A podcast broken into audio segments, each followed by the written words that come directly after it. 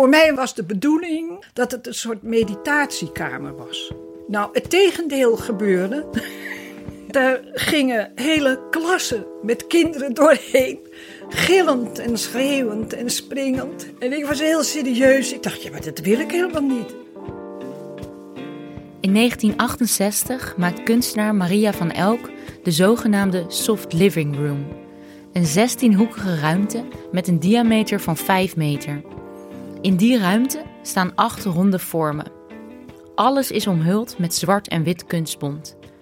Een huiskamer, maar dan anders. Een beetje alsof een knuffelpandabeer in duizenden stukjes is ontploft. Ja, dat kan ook. Ja, ja. Ik heb daar niet aan gedacht toen zelf. Van Elk wilde een ruimte maken waarin je kon ontsnappen uit de normale wereld. Een alternatieve werkelijkheid.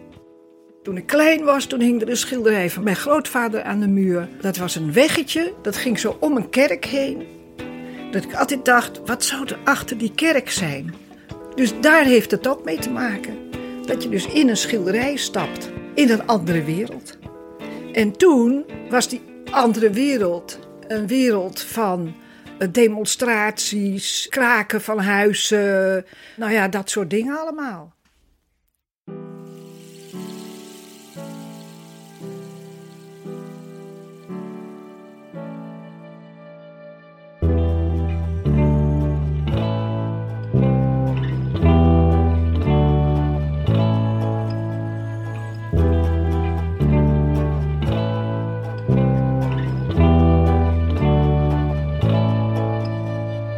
Ik ben Yukiko en dit is de podcast van het Stedelijk Museum over Amsterdam Magisch Centrum.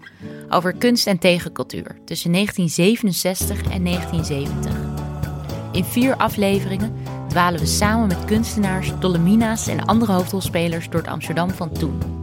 Een roerige tijd die voor veel veranderingen zorgde in de kunst en maatschappij. Dit is aflevering 4, de laatste van deze podcast. In de afgelopen drie afleveringen namen we je mee langs happenings, dromende hippies en een nieuwe generatie kunstenaars in het Amsterdam Magisch Centrum. Van het Leidseplein en het Vondelpark tot het Spui in het Museumplein. Maar dit keer blijven we thuis. We hebben het over wonen in Amsterdam. We nemen plaats op de bank bij de gewone man en kijken over zijn schouder naar de televisie. Maar we kijken ook uit de ramen naar buiten, waar jongeren roepen om een woning. En tot slot vragen we ons af: wat is er eigenlijk in de huidige samenleving nog over van het Amsterdam Magisch Centrum? Wat is de erfenis van de late jaren 60?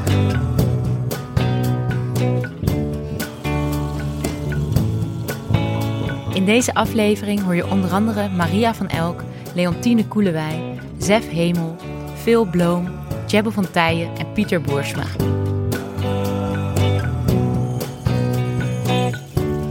Die, die slopers kwamen gewoon, die begonnen gewoon je dak eraf te halen. Dus mijn lichaam, ja, is een lichaam eh, niet meer dan dat. Ik vond de jaren 70, dat vond ik echt een fantastische tijd. En ik vind dat dat dus echt heel erg overtrokken is. Het is als cultureel fenomeen is het wel iets, natuurlijk. Maar de portée daarvan, uh, ho, ho, ho, ho, ho. Als je in die tijd leeft, heb je het niet in de gaten. Dan zit je er zo in. Over twintig jaar kijken we op deze tijd terug en zeggen: Goh, wat een waanzinnige tijd.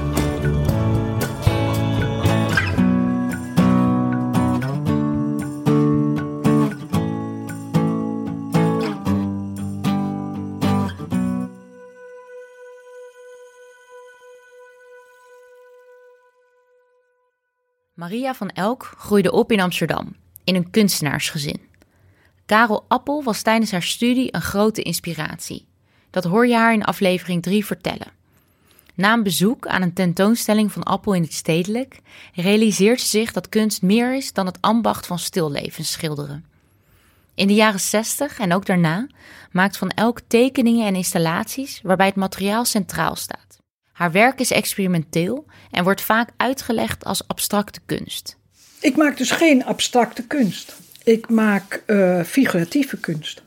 De figuratie van het materiaal zelf. Want dat is dus dat ik, misschien komt het wel door dat hele gedoe van de jaren 60, dat ik later mij dus heel erg ben gaan richten op wat doet het materiaal visueel. De Soft Living Room, die ze in 1968 en 1969 maakte, is een ervaring. Een dromerig alternatief voor de saaie, alledaagse woonkamers van de jaren 60. Er kwam voor haar van alles in samen. Het was een plek van zachtheid, om even aan de harde wereld te ontsnappen, te mediteren of om op je gemak naar muziek te luisteren en kruidenthee te drinken. Dat je dus in een schilderij stapt en dat je dan in een andere wereld komt. Dat vond ik heel spannend. We, uh, hoe heet het? Uh, Willem de Ridder, die had ook dat werk gezien in Haarlem. En uh, die vroeg toen of hij dat werk kon gebruiken voor Fantasio. Dat was een jongerencentrum en daar kon je dus thee drinken en mediteren en interessante muziek beluisteren. Ja, ik vond dat prima, want ik wist ook zelf niet zo goed wat ik daar verder mee moest. Met de Soft Living Room stelt Maria van Elk een nieuwe manier van samenkomen in een huiskamer voor. Niet met z'n allen met het gezicht naar de televisie, maar hangend over golvende heuvels. Een zacht, zwart-wit landschap van kunstbond. Wie zou er niet in willen liggen? Zo'n omgeving die helemaal zacht is en die jou ook op een andere manier laat zitten of liggen. dus niet meer uh, aan tafel met stoelen daaromheen, maar dus ook een invloed op je lichaam heeft. Dat vond ik interessant. Je hoort Leontine Koelewij, die als conservator van het Stedelijk Museum de Soft Living Room onderdeel maakte van de tentoonstelling Amsterdam Magisch Centrum. Ja, ja, ik vind het echt een heel bijzonder werk. Dus het is zeg maar zacht en, en je bent afgesloten eigenlijk van, van, van je hele omgeving. Dus je kan ook, uh, ja, je kan, zoals je dat nu noemt, chillen of een beetje onderuit hangen, eventjes liggen of zitten. Wat ik interessanter aan vind is dat je, het is een kunstwerk, maar het is ook een gebruiksvoorwerp. Weet je, het zit er tussenin. Is het een, uh, is het een, is het een meubel of is het een sculptuur? Nee, het is het eigenlijk allebei.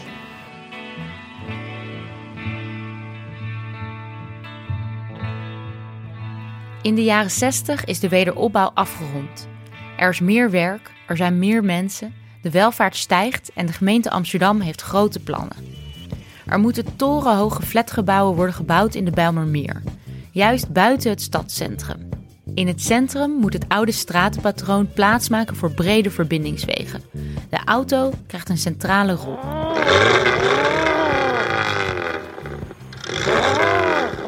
Wie bent u? Wie bent u? Ik ben de vergrijzer. Ik maak alle steden grijs. Je hoort een van de acties van de kabouterbeweging, die tegen de plannen voor meer wegen van de gemeente ageren. Waarom? Omdat ik de geest ben van de moderne stedenplanners. Houdt u in? Wij hebben meer wegen nodig voor de auto's. Tweebaanswegen. Zesbaanswegen. En daarom moeten de huizen worden gesloopt en de bomen worden omgehaald. Terwijl Van Elk een nieuwe woonkamer bedenkt, verzint de gemeente nieuwe plannen voor wonen in de stad, waar veel jongeren zich tegen zullen keren. Want de gemeente smeet wel mooie plannen, maar ondertussen hebben zij geen woning. Er ontstond ook in diezelfde periode ontstond de kraakbeweging. En ik raakte er zelf bij betrokken omdat ik in Amsterdam kwam. Uit, uh, ik had in andere steden geleefd. En uh, ja, je kon helemaal geen woning vinden. En kamers waren heel duur. En ik woonde op, op kamers. Uh, moest ik 200 gulden per maand betalen. Dat was een kapitaal voor mij in die tijd. Je hoort kunstenaar en activist Tjebbe van Tijen. In de vorige aflevering vertelde hij over de continue tekening. Die hij in 1967 maakte. Eind 67 maakt Van Tijen een omslag door. Hij laat de kunst achter zich en wordt activist. En op een gegeven moment had hij naam, maar toen kreeg ik bij Gods gratie via het CBH, het woningbureau, die distributie, mocht ik dan wel, uh, die kreeg een aanbieding. Ik ging op die aanbieding in, ik, nog, ik heb die brief nog wel bewaard. En daar, daar, daar schreef ik een keurige lange brief wat ik allemaal deed en wat zou doen. Dan kreeg ik een brief, ja, wij verhuren niet aan leenstaande heren. Nou, dat, eh, dat was voor mij de reden om, toen ik hoorde van die kraak, uh, over raakte ik ook bij die groep en ben ik ook gaan kraken. Van Tijen maakt het begin van de krakersbeweging van dichtbij mee. Via zijn vriend, de fotograaf Pieter Boersma, komt hij met de initiatiefnemers in contact. De, de kraakbeweging in moderne vorm die eh, ontstond op, in de nadagen, en tij- eigenlijk al tijdens Provo en de nadagen van Provo. En Provo geeft het een witte huizenplan uit. En de stad Amsterdam eh, staat het stadhuis en dat huis staat leeg. In Holland staat een huis en in het huis woont niemand. Het staat op de Dam in het hart van Amsterdam. Het paleis op de Dam is het image van de woningnood. In Amsterdam staan duizenden woningen leeg langs de grachtengordel en in de Jordaan het Amsterdamse Een bolwerk. klein stukje van Provo is op goed moment eh, eh, in, de, in de actie gegaan om, in verband met de woningnood enzovoort. Tjebbe heeft zich daarbij aangesloten, daar is de woningbureau de kraker uit voortgekomen. Er waren kraakacties, er werden pamfletten uitgegeven dan altijd. Er was altijd wel een pamfletje, gestenceld, stencilmachine, drukken. eh, aan, aan de, je communiceerde met de omwonenden. Wij hebben zus en zo gedaan. En dat was ook zo dat je vond dat anderen het ook moesten kunnen. Dus dat was de reden. Anderen moesten het kunnen doen. Wij en, en die kennis ontbrak en we wouden dat stimuleren. En dat werkte ook. Ze zoeken contact met de media en woningbureau De Kraker maakt een handleiding kraken. Zodat iedereen weet hoe je een leegstaande woning kan overnemen. Ook Tjebbe van Tijen en Pieter Boersma kraken een woning. Je moest een fluitje hebben, je moest een breekijzer hebben, een olielamp en, en nou, al, al dat soort dingen. We hadden wist juridisch ook, je moest een tafel en een bed hebben, want dan was het het, het, het huisrecht, hè, wat een fundamenteel recht in Nederland is, dus dat de vrijwaring tegen binnentreding zonder titel heet dat. En nou, Een essentieel onderdeel van kraken is dat je zo snel mogelijk het gekraakte pand bewoond moet maken. Door er een stoel, een bed en een tafel neer te zetten, claim je als het ware het huis en omdat jij er dan woont, kan de politie je niet zomaar uitzetten. Iedereen heeft namelijk recht op een woning. Tjebbe van Tijen woont een tijdje in een gekraakt pand op de Wijtenbachstraat in het oosten van Amsterdam. Hoewel de politie ook geen fan van krakers is, zijn het vooral de slopers die hard tegen hen optreden. Dan krijg je de situatie nog dat de confrontaties destijds niet met de politie waren, maar met de slopers vooral direct. Dus eh, die, die slopers kwamen gewoon, die begonnen gewoon je dak eraf te halen. Er zijn dus ook foto's van mij, eh, want, want Pieter, eh, dat, dat, die woonde even verderop. En die kwam meteen aanrijden en er foto's gemaakt. Dus dan zie je die twee slopers en die, die, hebben al een deel van het dak eraf gehaald. En die trekken de vloerdelen, zoals deze, onder mijn voeten vandaan. Ik blijf zitten. En eh, zo zo. En eh, ja, toen zei ze weer, eh toen komt de politie dan, maar ze hadden nog niet die ontruiming of zo. Hè? Dus, met die hele politiepelotons, dat bestond allemaal nog niet. Dus de confrontatie was direct met de sloper. Dat is heel lang zo geweest. Ik weet nog toen hebben ze de trap eruit geslagen. Dan hebben wij weer de trap weer erin gebouwd. Dus het is half ingetimmerd. We hadden een heel eh, ruim blok van die woningen. Het waren dus eigenlijk meerdere panden met, met, met, met wel twintig woningen of zo. En daar hadden ze de kap van afgehaald en zeiden, nou dan maken we een daktuin van. Dat weet ik nog. Hij wilde een daktuin. en die daktuin was op de, op de Wijtenbachstraat op het dak. Ja, en we hadden dus een vriend van mij, dus de Otto Schuurman, de filmmaker. Die zat dus op de filmacademie, die had een busje, een Volkswagen busje. En die zei, ja, dan gaan we, eh, gaan we een mooie plant halen. Dan rijden we naar Villa Wijk. Dus wij rijden naar het Gooi. Weet ik nog, een laffiets. Oh, mooie struik. Ja, op, trekken we eruit. Allemaal in de busje geladen. En ah, we vreselijk gelachen.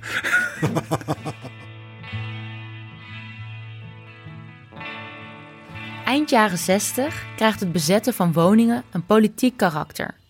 Krakers nemen het stokje van Provo over. Vanaf midden jaren 70 leiden krakersrellen tot maatschappelijke onrust en geweldsuitbarstingen op straat. 15-0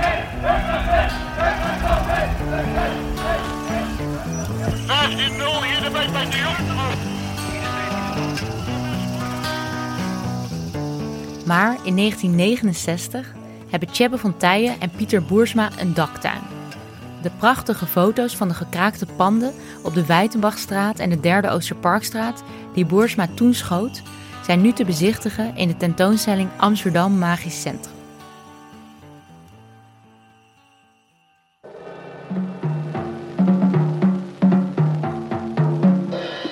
De camera levert, zoals we zagen, drie signalen.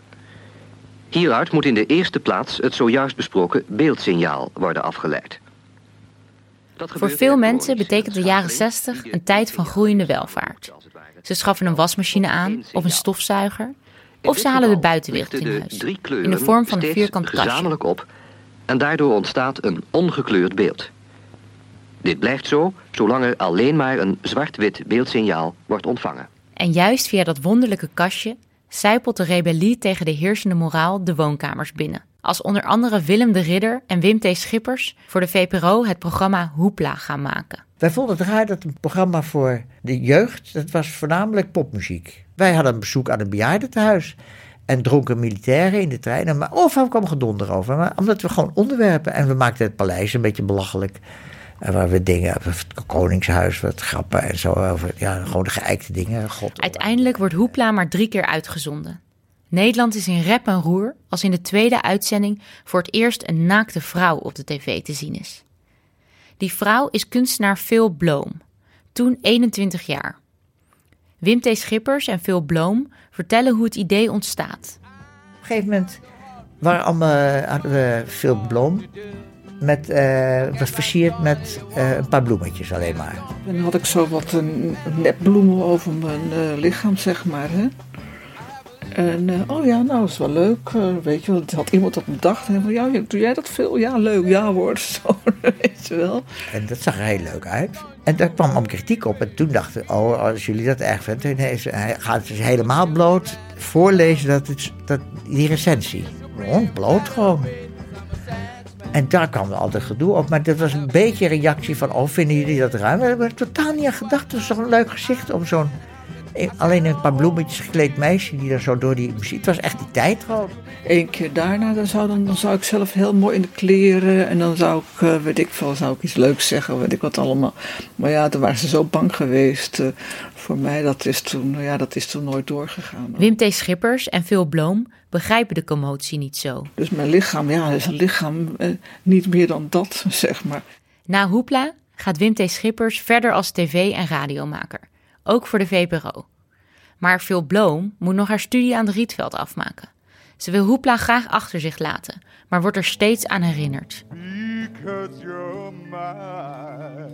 Ja, het is, eh, mensen zijn, eh, zijn er niet zo bewust eh, daarvan ook. Hè? Denken van, nou, het was leuk en plezier. En, eh, maar het heeft ook een andere kant is er ook geweest. Mijn publiciteit is zo groot geweest op een gegeven ogenblik. Dat ik kon niet anders gezien worden door dat ene fragment. En als ik iets anders deed, dan werd het andere werd, niet eens naar geluisterd bij wijze spreken. Als ik daar was, werd ik alleen maar over weer dat herhaling en herhaling en nog eens een keer een herhaling. Dus toen heb ik gezegd van nou, eh, daar ben ik, ik ga mijn eigen wereld eh, verder. En ik heb eh, radicaal nee gezegd op alles. Ik van nou, ik ga eens ga weg een tijdje. En toen ben ik dus inderdaad tien jaar eh, naar het buitenland geweest. Phil Bloom focust zich op haar eigen werk. Ze schildert. In Amsterdam heeft ze tegenwoordig een grote studio die tot een nok gevuld is met werken. Haar vele reizen zijn haar inspiratiebron. Ze kwam overal, van de Verenigde Staten tot Lapland. En in tegenstelling tot veel andere kunstenaars uit de jaren 60, komt ze juist weer terug bij verf en doek als medium. Toen ben ik doorgegaan gewoon naar het meest traditionele manier. Gewoon met, eh, met eh, echt eh, olie schilderen. En het meest traditionele à la Rembrandt. Nou ja, dat is niet waar maar gewoon, ja, gewoon olie en à la prima. En dat soort. eigenlijk een beetje Italiaansachtig ook. En daar ben ik steeds maar mee doorgegaan tot op het heden. Ik ben een schilder gewoon, ik kan niet anders. Voor Phil Bloom laten die revolutionaire jaren 60 een nare bijsmaak achter. Hoepla stopt na drie uitgezonden afleveringen en Bloom vertrekt uit Nederland.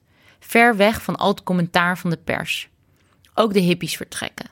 In 1970 worden ze verjaagd van de Dam. Na hun leven vol peace, love en happiness gaan ze gewoon aan het werk, krijgen ze een baan. Het burgerlijk leven slaat toe. De jaren 60 worden de jaren 70. Paradiso blijft een poptempel en kraken gaat door. En de Soft Living Room van Maria van Elk? Hoe typisch het werk voor de late jaren 60 ook is, het verdwijnt naar de zolder van het Stedelijk Museum Schiedam, waar het jarenlang wordt bewoond door muizen en duiven. en allerlei ongedierte. Ja, daar wordt het natuurlijk niet beter van. Toen bleek dat het werk, uh, moet je het noemen, in de verbrandingsoven vernietigd was. Ik had dus die hele affaire met die soft living room uit mijn leven gezet. Gewoon weg. Ik dacht, ik vind het zo een mislukking eigenlijk. Uh, in het buitenland heb ik wel goede artikelen erover gekregen. Maar hier, ik bedoel, al die, die jaren 60 tentoonstellingen, daar is het dus uh, uh, niet in betrokken. Dat heb ik natuurlijk wel gemerkt. Ja, dus ik dacht, nou ja, goed. Laat maar zitten. En dat deed Van Elk. Totdat een poosje geleden een conservator van het Stedelijk Museum in Schiedam haar installatie herontdekte. Of ze het werk opnieuw wilde maken. Na al die jaren ziet ze het wel weer zitten en ze gaat aan de slag met de tekeningen en aanwijzingen die er nog van over zijn. Het resultaat is te zien en te beklimmen in de tentoonstelling Amsterdam Magisch Centrum. Het leeft weer, ja. Schoenen uit. Een soort plastic dingetjes uh, over je sokken. En in uh, Schiedam ook uh, handschoentjes. Die rand is natuurlijk heel kwetsbaar. Het Amsterdam Magisch Centrum was een plek waar werd geëxperimenteerd. Met drugs, seks, feesten. Jongeren zetten zich af tegen de burgerlijke jaren 50. Tegen de bekrompen moraal. Tegen de spruitjeslucht. Ze nemen het woord op straat, op het spui, in het maagdenhuis. Kunstenaars zetten zich af tegen kunst met een grote K. En tegen het museum als gesloten instituut. Ze gebruiken ironisch commentaar en ludieke acties om de truttigheid en goede smaak op de hak te nemen. Daarom staat er een kerstboom op het Leidseplein in de nazomer van 1969, met een grijze vlag ernaast. Maar om te denken dat elke kunstenaar iets nieuws deed, elk protest een succes was, iedereen maar wat op de dam of in het park hing, dat is echt een misvatting. Niet iedereen ging los in Paradiso of had seks met Jan en Alleman, vertelt ook Pieter Boersma. En ik vind dat dat dus echt heel erg overtrokken is. Hoe is dat cultureel fenomeen? Is het wel iets, natuurlijk. nou, eh, maar de portée daarvan, uh, ho, ho, ho, ho, ho. De tijd van de vrije seks, denk ik. Ah, dan moet je, had je in Meppen moeten wezen in, in 67. Nou! Toch zijn er boekenkasten volgeschreven over deze tijd. Maar wat is precies de impact geweest? In hoeverre hebben kunstenaars van eind jaren 60 hun stempel gedrukt op het Amsterdam van nu? Volgens Zef Hemel stadsgeograaf bij de gemeente en Universiteit van Amsterdam, zijn de jaren 60 cruciaal geweest voor het Amsterdam van nu. Kijk, als reactie op de tegencultuur is inspraak bedacht. Dat is nu zo'n 40, 50 jaar oud. Maar daar zijn we al lang voorbij. Met inspraak nemen we geen genoegen meer. We willen, we willen zelf vormgeven. En as we speak is de tegencultuur bezig met een terugkomst, zegt Hemel. Overal in de stad komen initiatieven op van burgers die hun eigen beleid voeren, tegen dat van de gemeente in. Um, als ik kijk naar wat er nu in de stad gebeurt, dan uh, zie ik heel veel experimenten om me heen. Uh, een hele grote betrokkenheid van, van erg veel partijen, heel veel mensen. Nee, dat, dat, dat is de essentie volgens mij van de tegencultuur. Dat vormgeven je eigen leven, je eigen leefomgeving. Daar de baas over zijn. En, uh, en dat ook weer met anderen willen ontwikkelen. Dus het is niet alleen maar dikke ikken. Maar het andere deel van de tegencultuur is ook om dat op een ludieke en spelende wijze met heel veel anderen te gaan doen. En dat, dat egalitaire, dus het anti-autoritaire, uh, bijna anarchistische wat erin zat. Dat zie ik nu op heel veel plekken in de stad terug. Over twintig jaar kijken we op deze tijd terug en dan zeggen we: Goh, wat een waanzinnige tijd. Uh, als je in die tijd leeft, heb je het niet in de gaten. Dan zit je er zo in. We hebben het zelf misschien niet door. Maar deze tijd zou wel eens net zo revolutionair kunnen zijn als de jaren 60. Of zijn de jaren 60 gewoon nooit afgelopen? Maar ja, ik, ik, ik ben niet zo blijven hangen op de jaren 60. Ik bedoel, ja, ik, weet, ik vind het zo. Afge, het is helemaal niet een af, voor mij een afgebakend gebied. Ik, was, ik opereerde ook in de jaren 60 met dingen en ben gewoon doorgegaan. De stad is helemaal anders, ja. Kijk, het is nooit meer stil in de stad. Vroeger was het gewoon na twaalf stil. Nou, kijk naar het aantal toeristen. En je denkt, mijn hemel, het is magischer dan ooit. Wat hebben ze hier allemaal, wat komen ze hier allemaal zoeken? Eh, een actiegroep is niet voor de eeuwigheid. Waar, waar ik mij uh, helemaal in herken is MeToo. Wat MeToo nu onder woorden brengt en aan de kaak stelt, is iets wat we in Dolomina ook eigenlijk al uh, uh, als, als issue we zitten nu een beetje te slapen, heb ik de indruk. Zelfs de housewereld, de, de, nieuwe muziek is dus niet leuk meer. Ik hoor zelden een band waarvan ik denk, hé, ja. Terwijl de 60 jaar, de Rolling Stones, de Who, de Dem, de, de Cream, uh, Jimi Hendrix, uh, moet ik, Floyd. je wist niet wat je moest kopen. Te gek. Het was allemaal aan de gang. Allemaal op hetzelfde moment.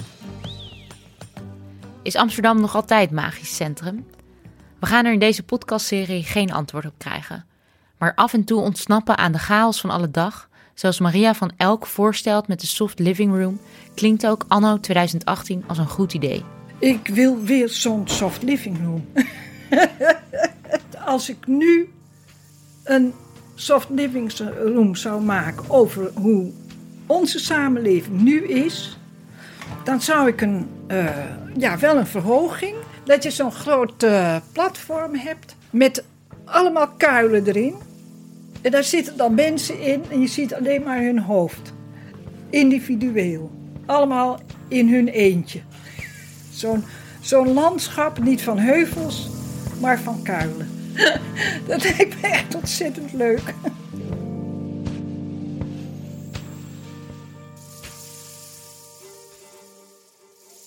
Dit was de laatste aflevering van de podcast Amsterdam Magisch Centrum van het Stedelijk Museum. De tentoonstelling Amsterdam Magisch Centrum loopt tot en met 6 januari 2019. Voor meer informatie en tickets ga je naar www.stedelijk.nl. En ben je nou nog lang niet uitgeluisterd? Bij de tentoonstelling kun je ook een audiotour volgen, die je meeneemt langs de werken uit de jaren 60. Gemaakt door Tjitske Musche. Deze podcast is geproduceerd door Anne Janssens en Misha Melita van Dag en Nacht Media. Veel dank aan alle kunstenaars die ons ruimhartig te woord stonden. Dank ook aan Tjitske Musche, Saskia Dubois, Frederike van Dorst en Leontine Koelewij. De muziek in deze podcast is speciaal hiervoor ontworpen door Audio Studio Cloak. Mijn naam is Yukiko en dank je wel voor het luisteren.